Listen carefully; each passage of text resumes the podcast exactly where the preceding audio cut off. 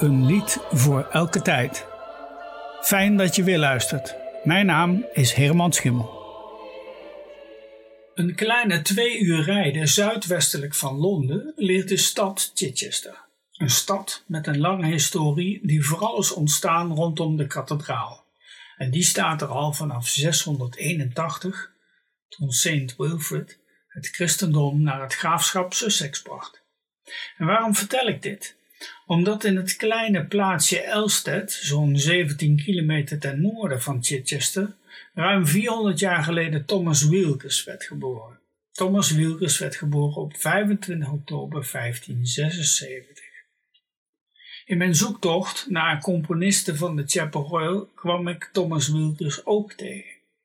Hoewel hij zelf meldde zanger te zijn geweest in de Chapel Royal, is dat in de registers van dat instituut niet terug te vinden.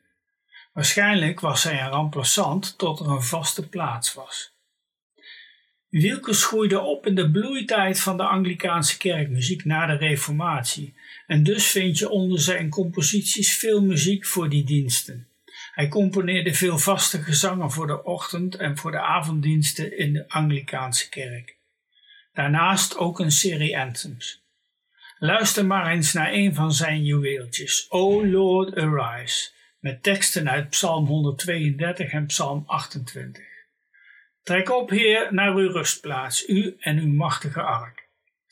Het wordt hier gezongen door het koor Oxford Camerata.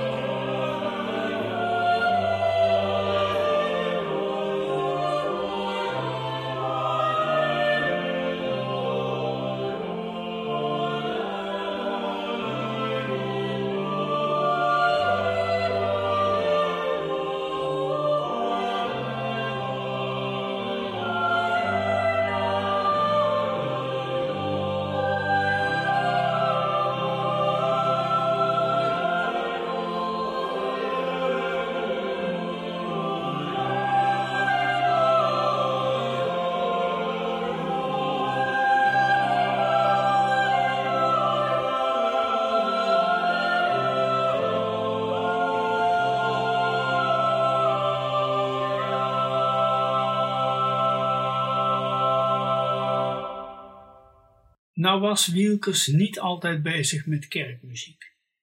Hij heeft ook een groot aantal madrigalen geschreven.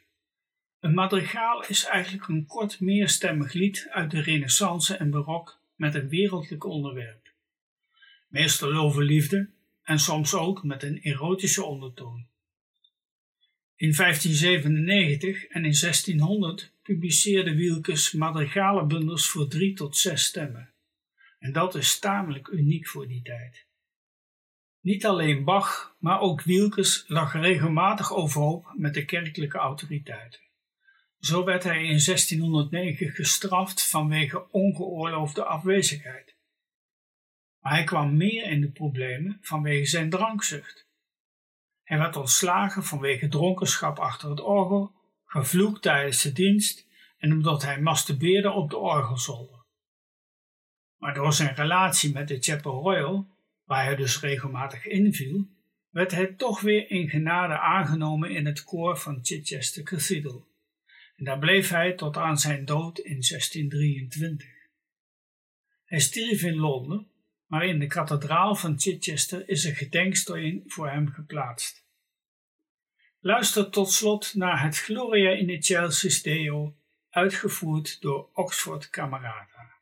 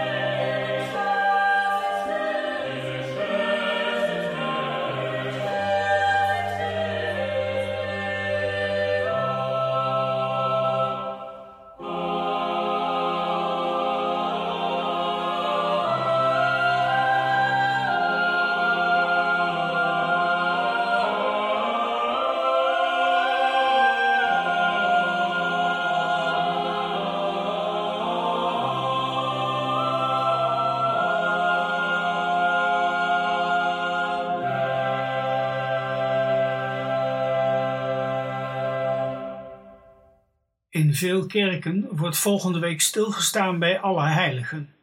En de dag erna, 2 november, worden de doden herdacht. Daar is zo ontzettend veel mooie muziek voor gemaakt dat het moeilijk wordt om een keus te maken. Laat je dus verrassen volgende week. Tot dan.